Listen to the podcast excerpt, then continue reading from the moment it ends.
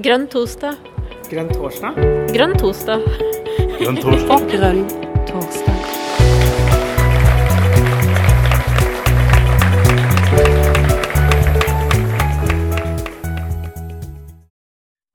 Hei, hei, folkens, og velkommen til eh, Grønn eh, torsdag.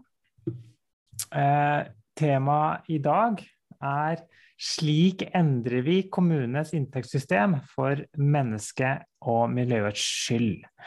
Um, kommuneøkonomi det er jo en viktig kamp uh, i forhold til uh, For å si det på en annen måte, eh, kommuneøkonomi er, en, er, viktig i kampen her må jeg stokke ordene mine riktig her, er viktig i kampen om arealene og, og utslipp, og om folk får de tjenestene som de trenger.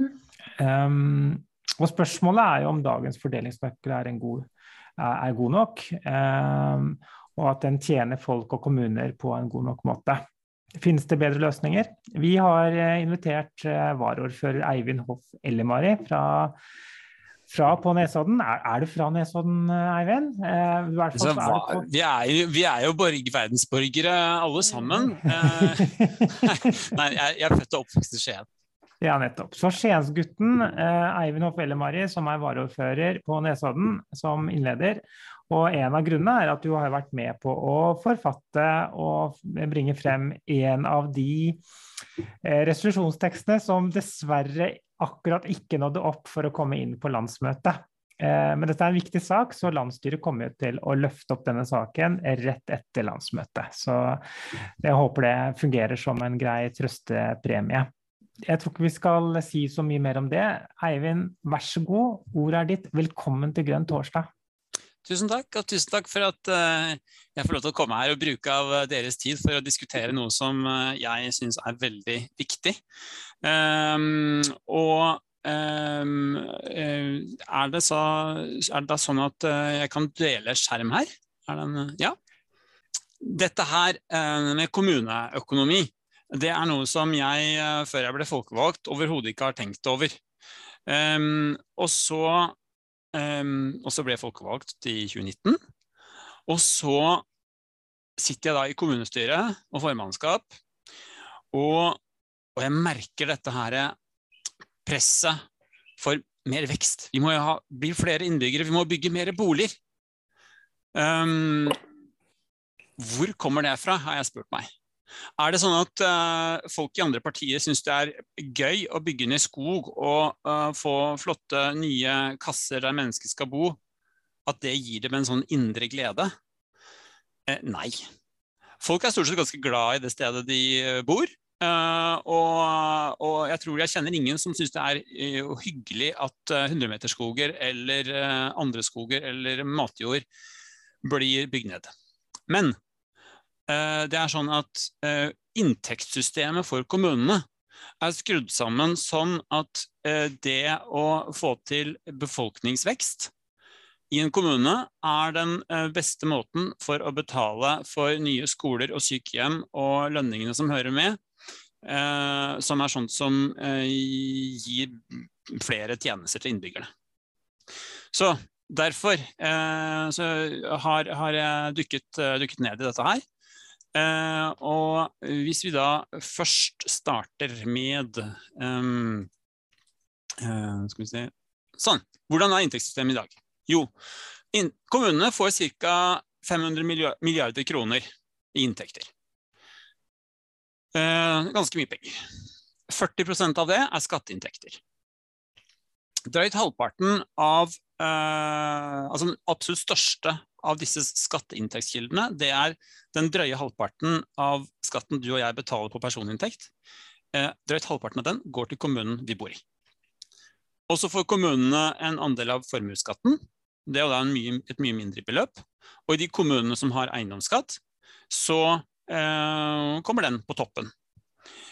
Eh, og så har vi naturressursskatt. Det er vel i all hovedsak eh, vannkraft eh, som, da, eh, som, da, gir eh, skatt til kommunen som kraftverket ligger i.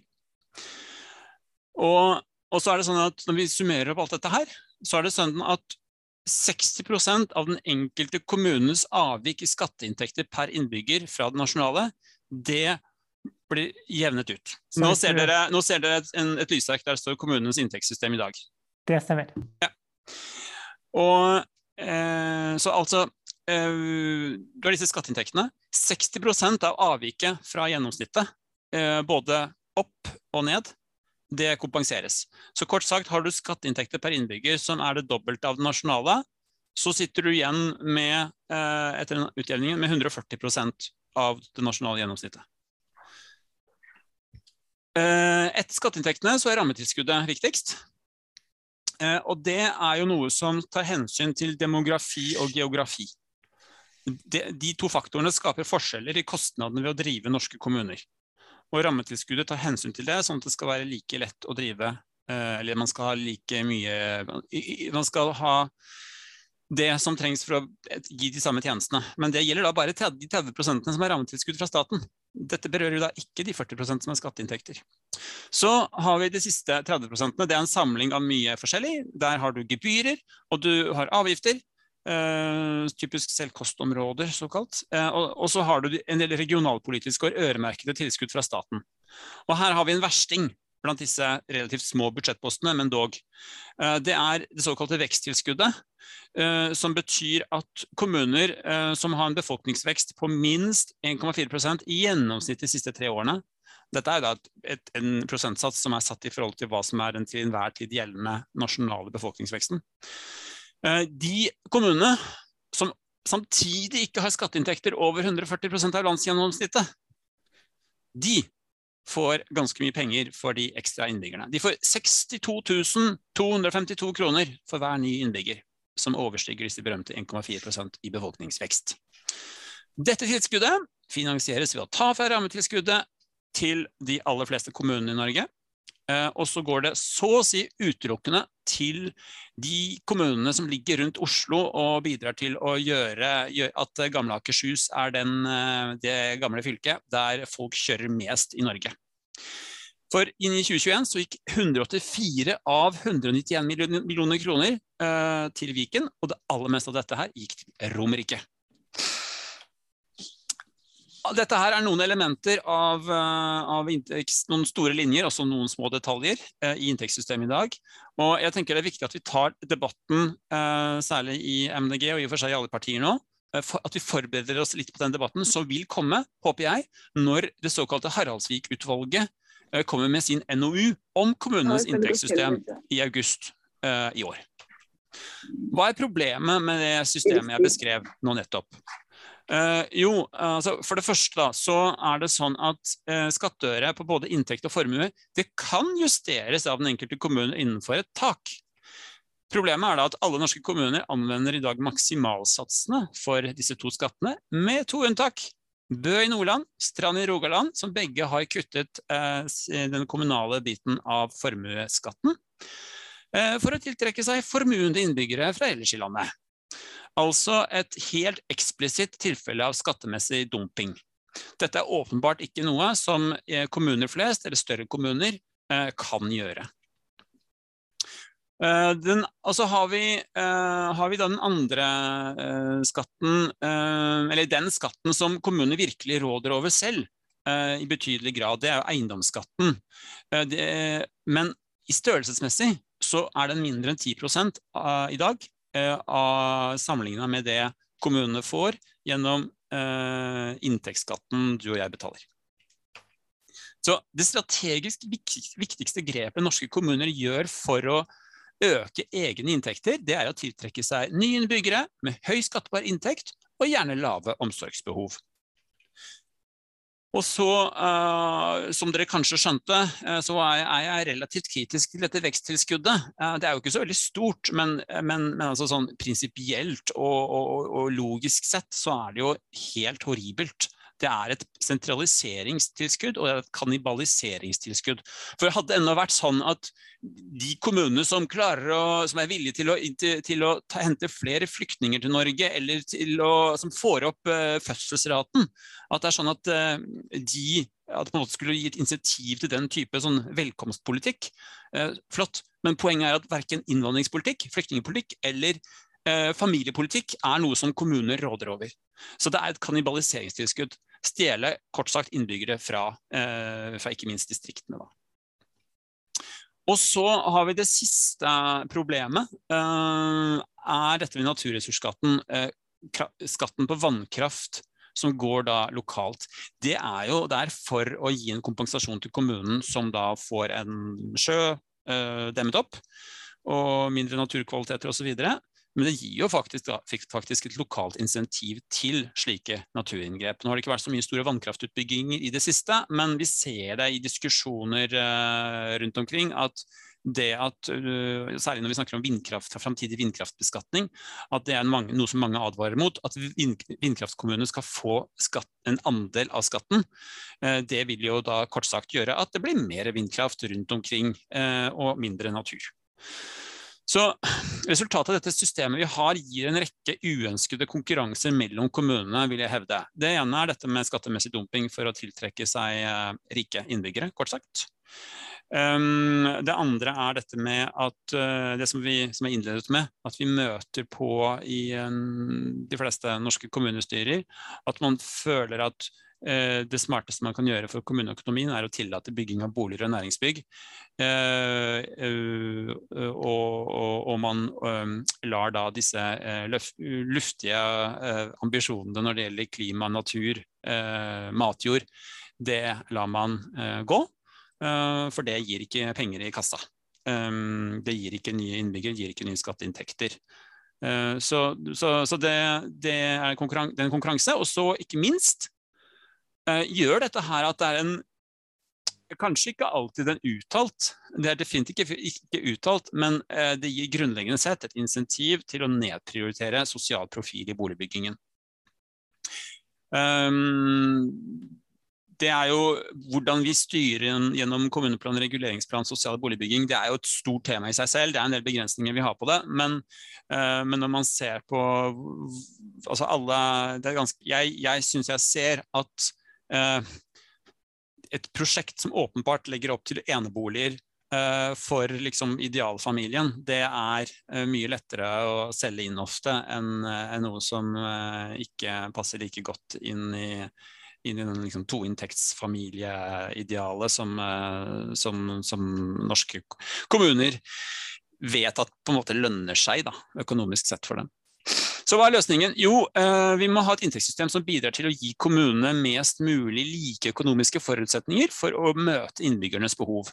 Eh, og, og da tenker jeg at vi i hovedsak, hovedsak, bør være basert på rammetilskudd som reflekterer grunnleggende kostnadsnivå bestemt av demografi og geografi. Det er en del sånne morsomme, rare ting også i rammetilskuddet. F.eks. så er det sånn at um, har, du, uh, har, du, en uh, lavt utdannet befolkning, så får du mindre eh, penger gjennom rammetilskuddet. fordi at har du eh, lavt utdannet befolkning, jo, da har du flere hjemmeværende eh, kvinner, visstnok. Og dermed så behøver ikke du så mange barnehageplasser. Så um, mens de stakkars kommunene som har mange høyt utdannede, de, ja, da må man regne med at mor skal på jobb og, og så videre, og da må kommunen stille opp med barnehageplasser, og da får man mer rammetilskudd. Så det er noen sånne etterlevninger som, jeg, som føles veldig 80-talls, eh, som vi fortsatt har i rammetilskuddet. Men uh, det var en liten, en liten digresjon. Så Parallelt med at man øker rammetilskuddet som den viktigste inntektskilden, så bør man da, som dere har skjønt mellom linjene her, fase ut kommunenes andel av både inntekts- og formuesskatt. Stoppe veksttilskuddet umiddelbart. Eh, vi bør fjerne taket på kommunal eiendomsskatt. Eh, fordi en økning av eiendomsskatt det er jo ikke noe som fører til en sånn uønsket konkurranse som jeg har beskrevet eh, tidligere, som gjelder de eksisterende hovedinntektskildene til kommunene. Om noen vil ha en inntektsskatt på 1% ok, det er ikke noe problem for, for nabokommunene. Eh, og så tenker jeg at Vi bør øke skatt på bruk av naturressurser. Det er jo god MDG-politikk. Men den skatten tror jeg bør tilfalle staten, som så omfordeler midlene til kommunene gjennom rammetilskuddet. Dette er kontroversielt, også hos oss, fordi at mange kommuner med mye naturressurser føler at det er riktig at de skal en del av av de eh, inntektene fra bruken av naturressursen skal tilfalle dem. Her er det viktig at vi kjører en debatt. Jeg tror det er mye riktigere for å ivareta naturen at, eh, at, man i stedet får et ordentlig rammetilskudd som faktisk da, eh, da eh, gjør det mulig å ta hensyn til demografi og geografi for å gi like tjenester til innbyggere, likeverdige tjenester til innbyggerne. Og så til sist et begrep som, eh, som, vi har snakket en god del om, en naturavgift. Hvordan skal det egentlig fungere? Eh, den, jeg tror at det mest uh, fornuftige her kan være en slags utjevningsordning som omfordeler midler fra kommuner som tillater mest nedbygging av natur eller matjord, til de som gjør det i mindre grad. Og så må man unngå at dette blir en uh, måte å egentlig bare kjøpe avlat på. Uh, sånn at la oss si kommuner der der det er høy potensiell verdi av å bygge ut et naturområde, typisk eh, rundt de store byene. Da er det lett å se for seg at de med en sånn ordning, så vil man eh, betale en avgift. Eh, og, gi, og, så skal det gå til eh, distriktskommuner der eh, den potensielle verdien av boligbygging på naturområdet ikke er så høy. Så det er ganske farlig med sånn sånn avlatssystemer. Eh, jeg må si at jeg hadde mer troen på en eh, heftig nasjonal skatt på tomteverdi. For det er en god distriktsprofil også, men det er en eh, stor annen diskusjon. Som, og tomteskatt er ikke noe vi har inn i programmet vårt, dessverre. Men ok, det var litt sånn jeg hadde jeg lyst til å by opp til debatt. Så det var det siste jeg hadde. Takk. Yes. Tusen takk, Eivind. Nå er jeg eh, Mariell som prater for deg. Jeg er òg i det her Grønn torsdag-teamet. Um, og jeg bare egentlig må få kommentere litt på det som du sa. Litt, eller mest fordi at jeg sjøl sitter i kommunestyret i en liten kommune og kjenner igjen så godt alle disse punktene som, uh, som du trekker fram. Spesielt det her med at vekst er på en måte det gylne målet, og, og, og at en går til valg på at en skal være tilflytterkommune nummer én. Uh, og så gjør alle nabokommunene det òg, da. Men uh, men da er det på en måte med de gulrøttene at en får høyere skatteinntekt, og en kan òg bruke, bruke eiendomsskatten som en slags redskap til det. Så det er veldig spennende tanker det her med kanskje at det er inntektssystemet til kommunene som kan være nøkkel inn. da. Og jeg tenker Det er jo bra for MDG som parti at vi ikke bare er på det her overordna nasjonale internasjonale nivået, men faktisk òg tenker på skattepolitikk til kommunene våre. For det, det fører jo til at en sånn som du sier, bygger ned natur. Og jeg tror også som deg at det er veldig få som egentlig har lyst å ødelegge natur eller matressurser eller det som vi har i kommunene våre.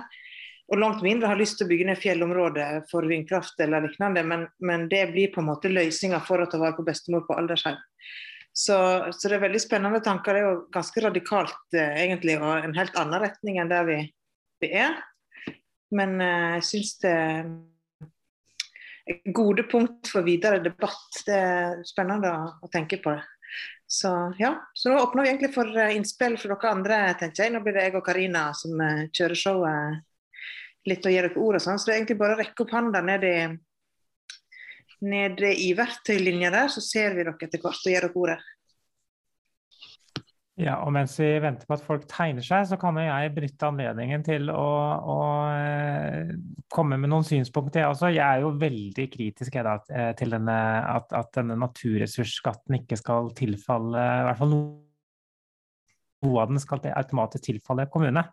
Eh, det gjelder rett og slett fordi at det er noe sånn at de som bor der, eh, mister en del natur eh, uten å få da i praksis noe igjen for det i verste fall. Eh, og da er det jo et ran, tenker jo jeg som bor i en kommune med mye natur, da.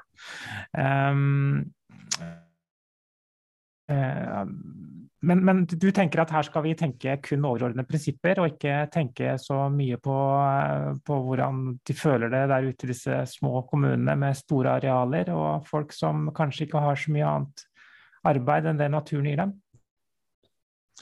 Ja, jeg, jeg, tenk, jeg prøvde å Det har vært litt vanskelig å tenke gjennom det. Jeg ser at uh, det er ikke noen uh, Det er ikke noen lett sak å selge i en liten kommune med få innbyggere og mye natur å ta av.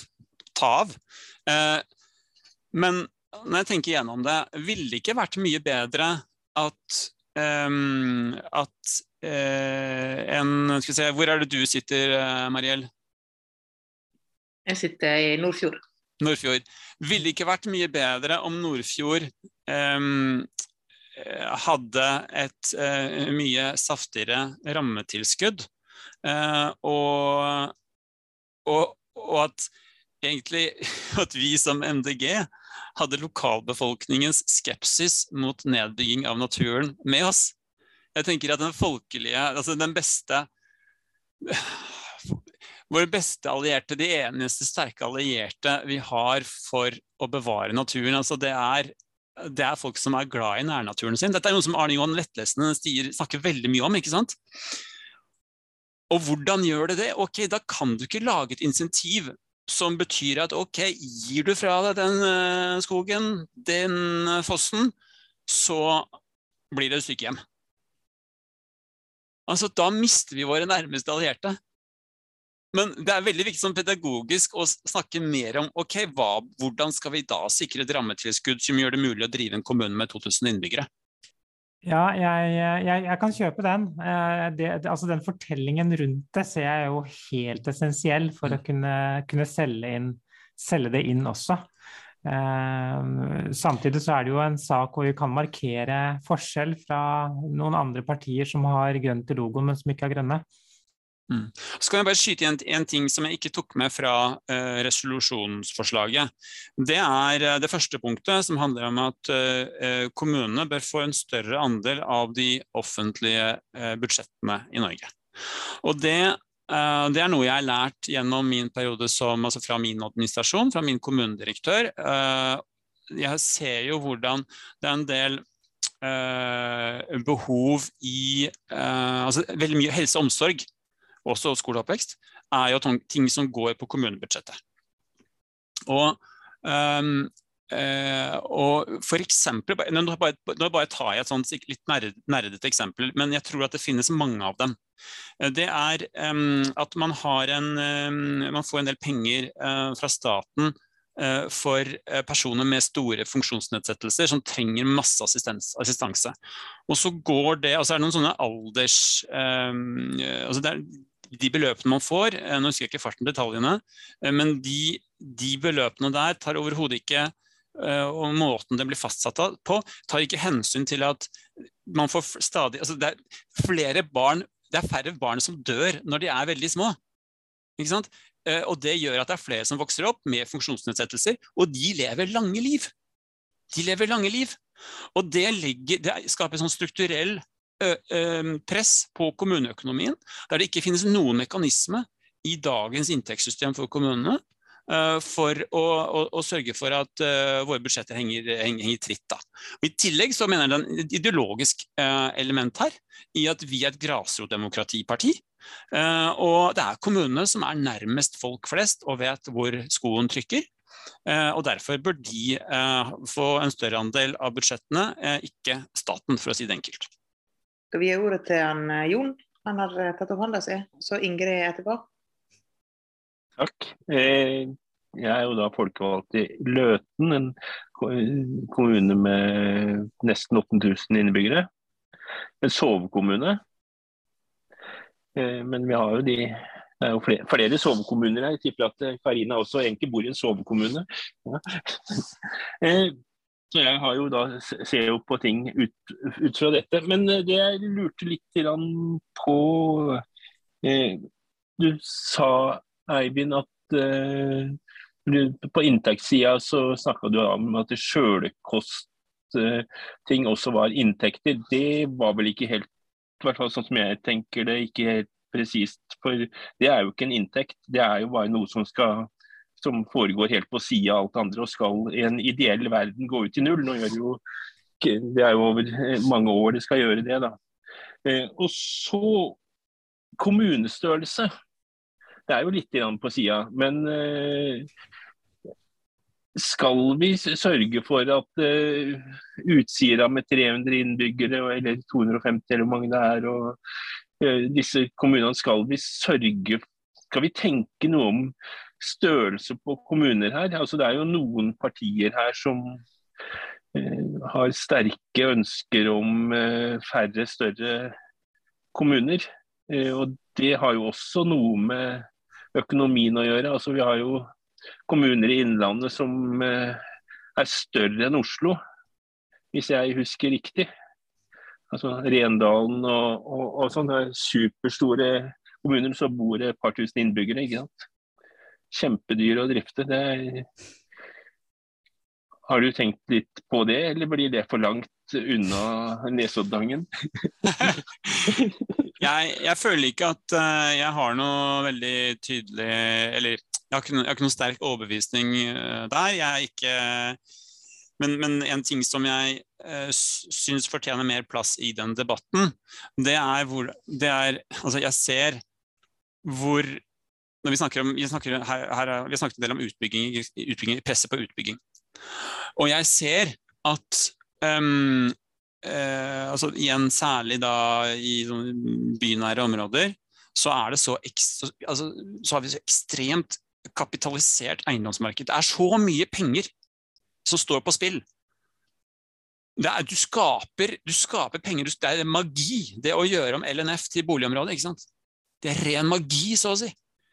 For den verdien av det området blir økonomisk sett så mye høyere at eh, Og er du da en kommune med 5000 innbyggere, så har du har du, har du en miljørådgiver da, så er du heldig. Um, har du en planavdeling Jeg vet ikke hvor stor planavdelingen kan være i en såpass liten kommune. Men de, jeg, har sett noen av de kampene, ikke sant? noen av de møtene mellom en planavdeling i min kommune med 20 000 innbyggere og en aktør med milliardomsetning. Det styrkeforholdet der er så ujevnt at Eh, jeg tenker at eh, det er, et, det, er et, argument for at eh, small is not always beautiful. Når det handler om å stå imot utbyggingspress. Men det er andre, mange, mange, andre hensyn som, jeg, som også som veier den andre retning. Yes. Ingrid. Takk. Takk for innledninga, Eivind. Um, nei, jeg vil litt tilbake til den der diskusjonen som starta i begynnelsen med rammetilskudd opp mot naturskatt. Um, for jeg vel jeg mener jo også at det aller viktigste er at rammetilskuddet økes, og eventuelt med, med noe som gir en gulrot for bevaring av natur, type arealregnskap osv. For jeg kommer jo fra en oppdrettskommune sjøl, og jeg ser jo Altså, det er ikke bare en eventuelt naturskatt um, som vil gi et insentiv for å gi konsesjoner og tillatelse til utbygging. Fordi at en kommune med, med en pressa kommuneøkonomi eh, har så mye å tjene på den verdiskapninga og de arbeidsplassene som kommer til den kommunen uansett. Eh, og langs kysten så er, har jo oppdrettsnæringa stått for kjempemasse kritisk infrastrukturutbygging, f.eks. De har vært med og finansiert det. Eh, og den eneste løsninga på det er jo rammetilskuddet, mener jeg. Og det å sørge for at kommuner blir mer robust møte, til å ta demokratiske beslutninger i møte med den type utbyggerinteresser. Eh, så, så, jeg tror liksom, at denne diskusjonen om skal, skal grunnrenteskatten gå til lokalt eller nasjonalt, jeg mener at det er gode grunner til å si at den går nasjonalt. Forstår Karina sine um, lokaldemokratiske prinsipp, eller hvem er det egentlig som eier naturen, på en måte. Um, men men, men jeg, tror, jeg tror det er en litt mindre detalj da, i et større problem, som er at kommuneøkonomien er generelt for dårlig og gjør lokaldemokratiet veldig sårbart. Yes. Karina, vil du si noe i samme slengen? Ja, jeg tenkte det. Så tenkte jeg skulle tegne meg, prøve meg på, på den metoden. Eh, siden jeg, jeg, tenkte jeg skulle prøve, prøve å, å, å, si noe her. Fordi eh, Eh, Ingrid sier at hun prøver å forstå meg. Det er hyggelig, det. altså. Jeg, jeg setter stor pris på at, at, noen forsøker i det minste å forstå meg. Eh, uh, men jeg tenker den historiefortellingen vi skal fortelle, er jo her, er, er jo her utrolig viktig. Da. Og jeg tenker at det, de, de, de eh, momentene som på en måte skal veies litt mot hverandre her, er jo den ene kompensasjon for tap av natur for verdiskapning, eh, som jo da eh, skjer lokalt. Eh, og den andre er jo da eh, nettopp det at vi vil ikke tape for mye natur.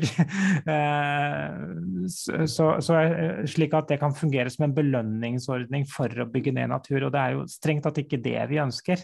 Så, så jeg tenker at innretningen bør uansett være på et sånt nivå at en gir en eller annen form for uh, kompensasjon uten å fungere som en belønning. Og det kan godt være at, at veien da er å øke rammetilskudd og fjerne alt til kommunalt nivå. Det kan være at det er riktig. Jeg, jeg trenger å bli jobbet litt med for å bli overbevist. Eh, men jeg kan forstå det som et argument. Og så eh, tenker jeg sånn i forhold til Eh, at, at, eh, at, smått ikke alltid er, eh, er bra. eller 'small is not beautiful', var det det du sa, Eivind? Altså, ja, small is not always. ja, ja. Eller, eller, bare 'small is just too sweet', slik at man, det blir på en måte totalt overkjørt. er man for søt, så blir man jo ikke tatt på alvor. det er jo noe som uh, i hvert fall Hokjønn ikke er helt, uh, helt uh, ukjent med i møte med en maskulin dominert hverdag i enkelte yrker, for å si det sånn. Og det er vel kanskje sånn det funker på kommunesiden òg. At, at det blir en form for diskriminering basert på størrelse. Vi skal ikke blande inn det, altså. det var vel i grunnen de kommentarene jeg hadde nå. Takk, Mariell. Jo, vær så god. Jeg spiller bare etter Eivind, så det er bare å kjøre litt sånn eh, att og fram når dere føler for det. Ja. Um, jeg bare tenker hvordan man kunne se for seg en, uh, ja, et narrativ.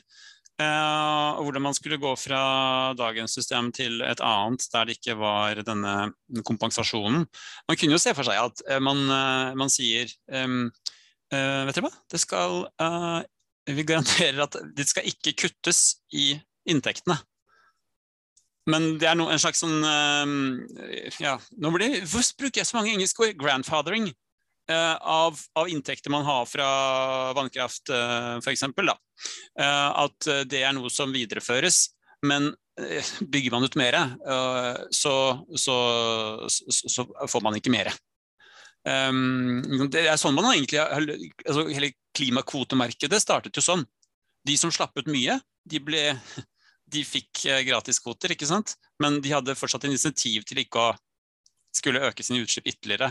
Så ja, Kanskje litt søk sammenligning, men, men, men poenget er at uh, det er fint mulig å tenke seg sånne overgangsordninger. Og, og, og, det er viktig. Jeg tror at Vi må ha som premiss at uh, dette er ikke noe som uh, nærmest noen kommuner skal tape på når de går fra det ene, til, det ene systemet til vårt foretrukne system.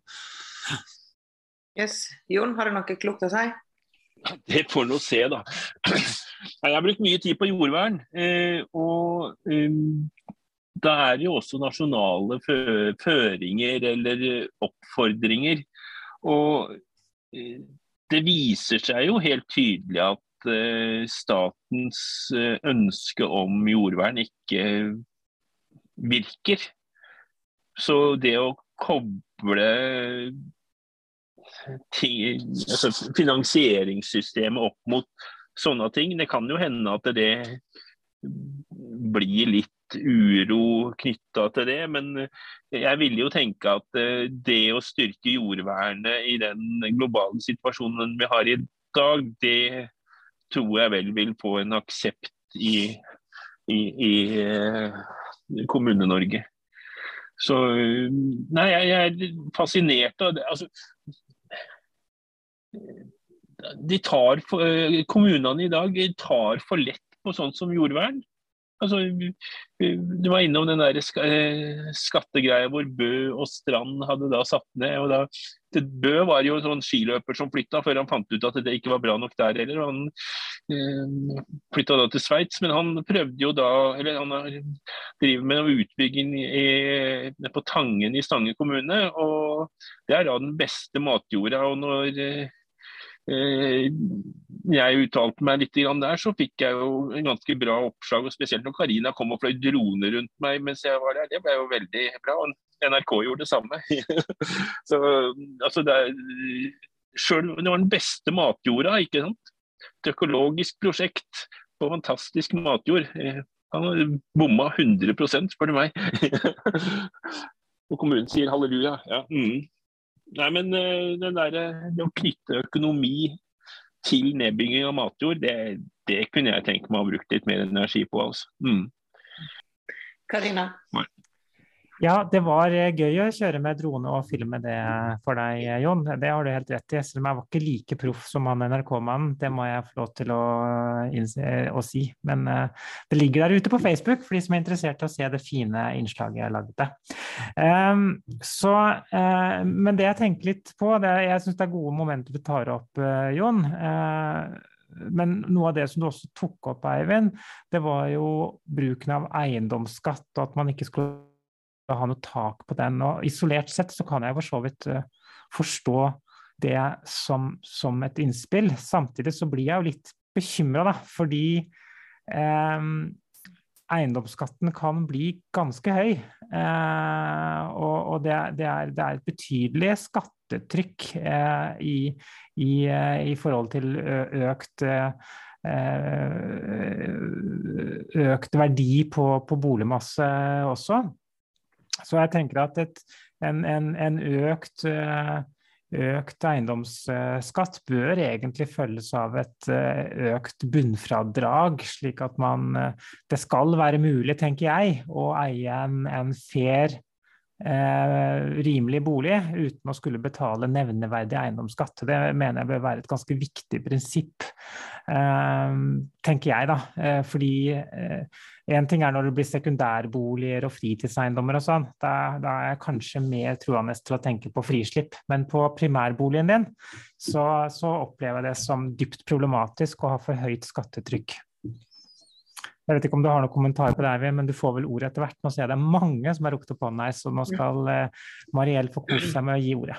Takk. Ja, jeg tenker Hvis Eivind har et kort svar på det som du eh, spurte etter, Karina, så gjerne det. Og så ser jeg at Ingrid òg har stilt uh, et spørsmål som kanskje var det samme du ville spørre om, men uh, det står i hvert fall 'bestemmes ikke bunnfradraget også lokalt'? Du kan jo prøve å gjøre det. Og så tror jeg vi tar Sigve og Ingrid til slutt. Så det er greit. Da, får jeg svare uh, først på, på Karina. Ja. Um, ja, altså, debatten om eiendomsskatt er stor og litt sånn følelsesladet. Uh, uh, skatt på tomteverdi er en mye bedre idé. Kort sagt verdien av en tomt etter en god brann, som, som den ofte er blitt beskrevet som. skatt bør du legge på noe som ikke gir et uheldig insentiv. Sånn sett er inntektsskatt uheldig, fordi det gjør at folk jobber mindre. Og jobbe er i utgangspunktet positivt. Um, mens hva skjer hvis du ilegger uh, skatt på en tomt eller på en eiendom? Den flytter ikke på seg. Ikke sant? Det er det viktige her. Og så er, kommer man uh, trekkende med den uh, gamle enken som uh, sitter der som minstepensjonist i den store villaen og ikke kan betale eiendomsskatten sin. Men, eh, men, men altså der, der, finnes det finansielle løsninger, type at eh, man opparbeider seg en skattegjeld som da egentlig betales i forbindelse med overdragelse av, av eneboligen, altså eksempel. Så den er ikke ideell, men, eh, men, i sammenlignet med de aller fleste skatter som vi aksepterer i dag, er den uendelig mye bedre og mer sosialt rettferdig. Sigve nå, og så Ingrid etterpå. Ja, takk, Maria. Maria. Det, ja dette med inntektssystemet til kommunene er viktig, og, og det er godt å ta tak i det. Så det er fint det med, med Eivind begynner også å ta opp noe. Jeg tenker iallfall dette med vekstprinsippet, det at de blir belønna med mer vekst, det er noe vi kan iallfall fjerne. Eh, det er jo ikke det som bør telle. det er F.eks. ut ifra grønt perspektiv så bør vi kanskje sette mer fokus på trivsel og livskvalitet i kommunene, og heller stimulere til det. Hvem er bedre helse? Hvem klarer å holde seg friske lenger? Sunne og friske. Vi har jo f.eks. Eh, ganske dyrt eh, helseomsorg. Det kommer til å øke bare enormt. Vi har sittet her i Kongsberg og, og bevilga budsjettet har liksom sprukket med rundt om 25 millioner i de åtte årene vi har sittet her i posisjon. Hvert år. Er ingen av oss egentlig forstår uh, hvorfor det vokser hele tida, og vi legger jo på og legger på. Og de, det er ganske dyrt. Og så er det dette med Vi bør òg se på, eh, samtidig med inntekt, så bør vi òg se på uh, denne gjeldsmengden kommunene har. Og Det syns jeg òg er tak vi bør, ting vi bør ta, ta mer tak i. For det er ganske mye kommunal gjeld og, og fylkesgjeld mens staten er rik som bare det. Og Her er det veldig skjevt. Og hvem er det som tjener på den gjelda? Hvem tjener på rentene? Det eh, må vi nøste litt opp i. Og jeg er ikke for at vi skal fjerne Utsira. Det er små kommuner i topp. Det, det gir lykke å bo ute i havgapet. og Nå blir det jo ødelagt med alle disse havvindmøllene som skal være utenfor Utsira. Og ta, f.eks. Sauda, som har kraftverk og lang tid. Og hvis ikke de hadde hatt kraftverk, så hadde ikke de hatt varmt svømmebasseng ut forbi kraftverket som bruker vannet til kjølegeneratorene. Så vi må tenke litt sånn at eh, små kommuner oppe i Halling, eller Numedal òg, ikke sant. Der har vi Nore Uvdal, de har kraftverk. Og så, kraftverk går jo til nytte for resten av samfunnet òg. Men jeg er helt enig i at vi skal ikke ha uhemmet, uhemmet vekst eller tap av natur. Til slutt så bare runder jeg av dette med ja, Ingrid, bunnfradrag bestemmes lokalt. I kommunen, her i kommunen så tok vi f.eks. å ha bunnfradrag på eiendomsskatt på 500 000. Og så har vi økt eh, med sånn promille hvert år. Men nå var det jo et tak på det. da var det Fire promille, eller hva det var. Og så Det bør kunne godt økes, for det gir gode penger. Og det som Øyvind var inne på med tomt og eiendom, altså bygningene stikker ikke av. De er der. Veldig fair eh, skatt, egentlig. Og så da at hun gamle tante eller eh, Karina som bor i huset sitt som var betalt for lenge siden, øker jo i verdi, nesten mer i verdi enn eh, eiendomsskatten. Det er òg noe å tenke på. Og så er det er vel ikke det offentlige sin oppgave å støtte økt arv til, til barn og sånn. På den måten. Så eiendomsskatt er greit. Og så er det den industriskatten òg, som vi må kunne ta tak i. At, at Vi har jo dette med FN sine mål, og at det skal også være sosialt og miljømessig i regnskapene. Og at de da betaler mer skatt til kommunen de bor i, som kan gi mer til korps og idrettslag og sånne ting. Det er noe å ta med. Ja, men jeg, jeg har ikke løsningen av alt, men jeg har slengt noe vi kunne sett på. Og så er det kanskje andre som har mer. Men takk for meg. Tusen takk, Sigve. Um, er du klar til å følge opp, Ingrid? Jeg gir ord til deg. Nå skal Eivind samle opp litt mot slutten, tenker jeg nå. tar vi Ingrid først, og så har Karina bedt om ordet. Og så deg til slutt, Eivind, hvis det går an å ja. snøre i hop eh, samlinga.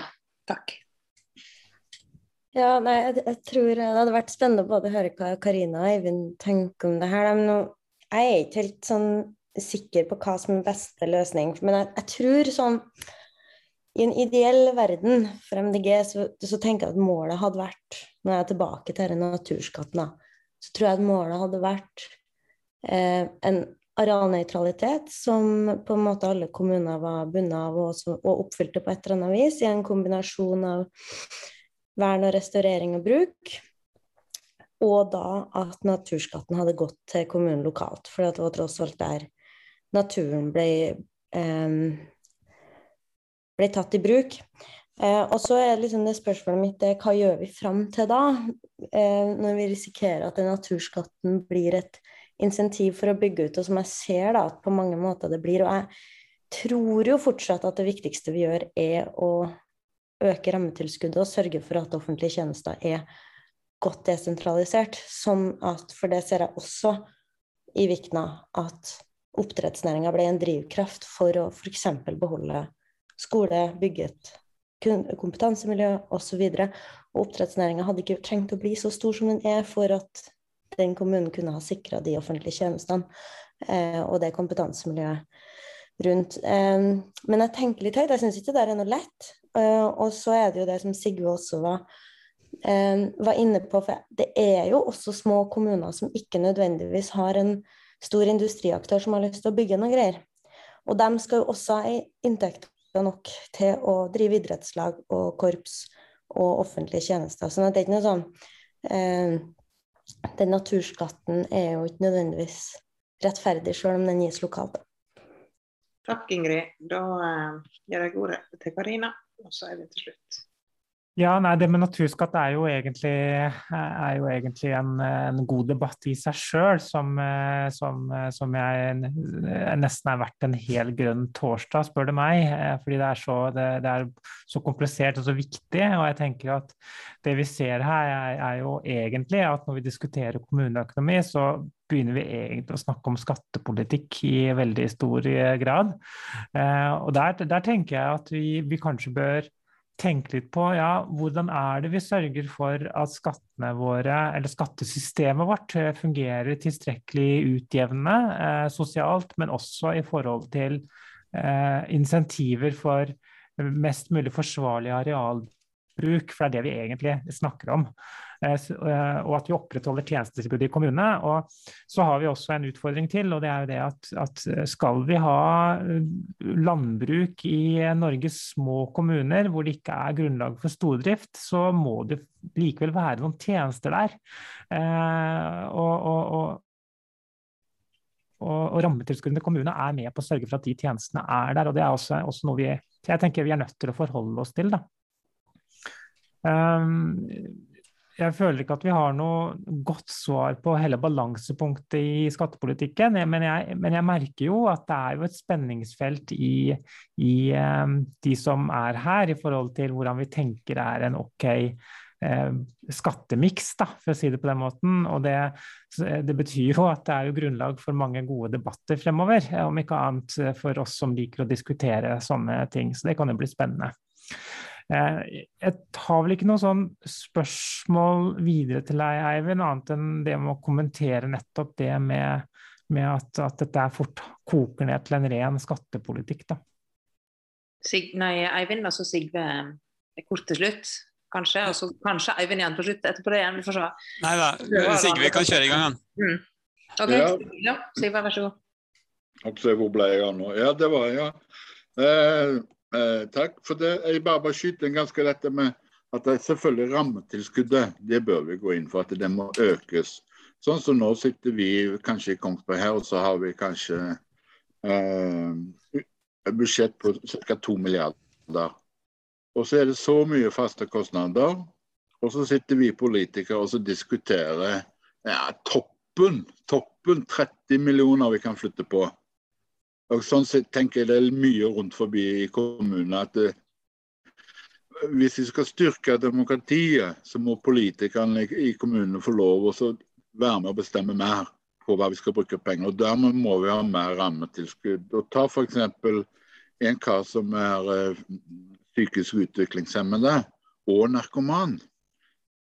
Det koster penger. Det har vi ikke kjangs til å fikse på, og da må vi ha døgnbemanning, og det koster 12 millioner i året. Bare én person. Så, men liksom uh, Dette med helse og omsorg er jeg veldig opptatt av, men uh, ja. Øke rammetilskuddet, så vi får mer demokrati i kommunene. Takk. Da, Eivind, tror jeg du blir sistemann på ballen, og så går du inn for en slags landing, hvis du får til det. ja, herlig. Uh, jeg er helt enig med Karina at skatt er kjempeviktig å diskutere. Jeg elsker å diskutere skatt. Jeg tenker at uh, vi i MDG um, og egentlig alle som, som, har ganske store ambisjoner for samfunnsendring. Um, vi bør tenke mer på skatt, for vi har så lett for å tenke at vi skal vedta arealnøytralitet. Vi skal vedta det ene med det andre. Men det som får ting til å endres i praksis, er i veldig stor grad økonomiske insentiver. Uh, se på, uh, på klimaet, ikke sant? se på hva som skjer i Europa med kull som ikke kommer tilbake nå, på tross av at man vil bort fra gass. Og det er takket være EUs klimakvoter. ikke sant? At de er blitt så dyre nå at uh, kull er helt uaktuelt i praksis. Eh, så, så, økonomisk Det er veldig, veldig, veldig, viktig å snakke om, vi bør snakke mer om det. Men utfordringen er at for å få til politisk endring, så blir den, den, store skattediskusjonen den eh, er det mange som prøver på stadig vekk, men den får vi ikke før vi er helt på felgen økonomisk. Det er da skattesystemet virkelig blir lagt om i det store. Og Derfor så tenker jeg det er viktig at vi, um, vi tar den diskusjonen om kommunens inntektssystem basert på at ikke våre forslag egentlig trenger å skape noen større radikal endring i, i, i både de endringene som handler om hvordan kommunene får inntekter, behøver ikke å kreve store radikale endringer ellers i skattesystemet. Og Det er et viktig premiss her. Jeg sier ikke at inntektsskatt skal fases ut, men jeg sier at kommunene ikke skal ha en andel av den inntektsskatten. Det skal gå via staten, og så skal det komme ut gjennom rammetilskudd. Um, for Hvis ikke, så, så kommer vi ikke videre. Uh, man må ta, Skottet er så stort, vi må ta en bit av gangen. Og Nå er en anledning med dette Haraldsvik-utvalget og NOU-en som kommer etter sommeren.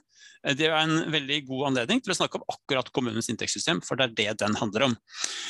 Uh, og så har jeg lyst til å si at uh, Det er veldig hyggelig at uh, ingen her synes å ha forsvart dagens grunnbjelke i kommunenes inntektssystem, som er at de får da en drøy halvpart av inntektsskatten og en stor bit av formuesskatten. Jeg har hørt ingen som taler for at det er fornuftig. ingen har snakket for veksttilskuddet. Jeg er veldig glad for det. Så da har vi vedtatt at det skal ut. Um, og så har jeg lyst til å legge til at uh, det du sa, um, Sigve, om uh, vi bør premiere trivsel og god helse osv. Og, så og der vil jeg slå et slag for rammetilskuddet igjen. Um, fordi at Der får man jo f.eks.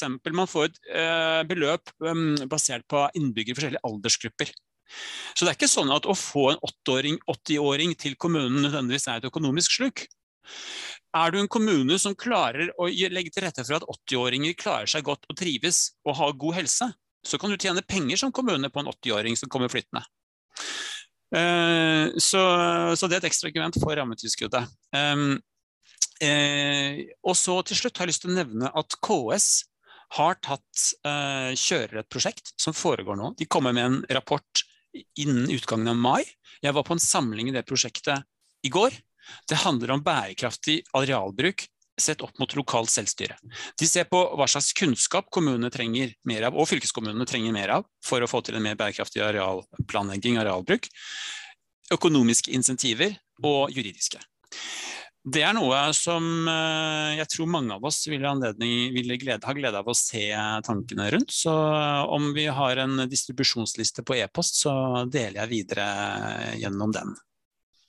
Bare hyggelig. Distribusjonsliste via e-post. Ja, det er faktisk sånn at på en måte så har vi faktisk det. fordi at hvis eh, man går inn på grontorstad.no, så kan man velge å abonnere på nyhetsbrev der. Vi bruker det nå til å poste litt om arrangementene. Der får man påloggingslenk og sånne ting. Um, som et alternativ til de som kanskje ikke er så gira på Facebook. Det har vært det som er tanken. Men det, men det kan brukes som type distribusjonsliste også til sånne ting, så det er jo for så vidt en god idé. Så, eh, så, vi kan godt gjøre det sånn at vi sender det ut eh, via nyhetsbrev. Da må alle som er her inne, faktisk for å få det, gå inn på grontorstad.no og registrere sin e-postadresse. Det syns jeg var en god idé. Samtidig så kan man gjerne gå inn på YouTube og, og, vise at du abonnerer der også, hvis du er på YouTube. fordi når vi krysser 100 abonnenter, så er vi faktisk der at vi kan få et mer tilpasset kanalnavn i, i, i adressefeltet. Så eh, før det så er det sånn sånn rar samling av nummer og bokstaver. Så, så det, det, hadde vært veldig gøy. Eh, tenker jeg, da. Eh, tusen takk, eh, Eivind, eh, for, for eh, mange gode betraktninger. Eh, noe som slår meg, er jo at norske bedrifter rundt omkring i de norske kommuner bør for guds skyld begynne å sette seg i EUs taksonomi. fordi at det blir jo eh, også ganske avgjørende for vår konkurransekraft i fremtiden. Og det blir sikkert også et tema en eller annen gang på en grønn torsdag.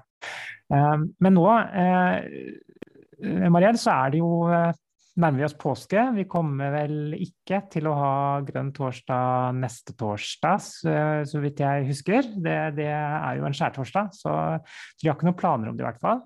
Det kan være vi legger ut en, eh, et opptak fra en tidligere ikke-publisert Grønn torsdag-episode eh, for å uh, krydre påsken til noen som er veldig interessert i Grønn torsdag. Så Mariell, er er du happy med, med, med, kvelden? Ja, absolutt. Og tusen takk, Eivind, for uh, fin innledning og mange liksom, egentlig raske baller mellom deltakerne her. Til oss liksom skatt budsjettpolitikk er jo ikke det kjappeste emnet, ikke sant? Yes, ja, men Jeg tror klokka er akkurat 21.00 her, så det tenkte jeg passer bra. Karina? Jon, har du noe du vil legge til? Jeg så du hadde ørmyta deg en liten kort periode her. Ja, sånn at jeg hoster litt. Ja, nei, det var jeg, ja. Nei, jeg hadde ikke så mye å si, men Så med det så sier vi tusen takk og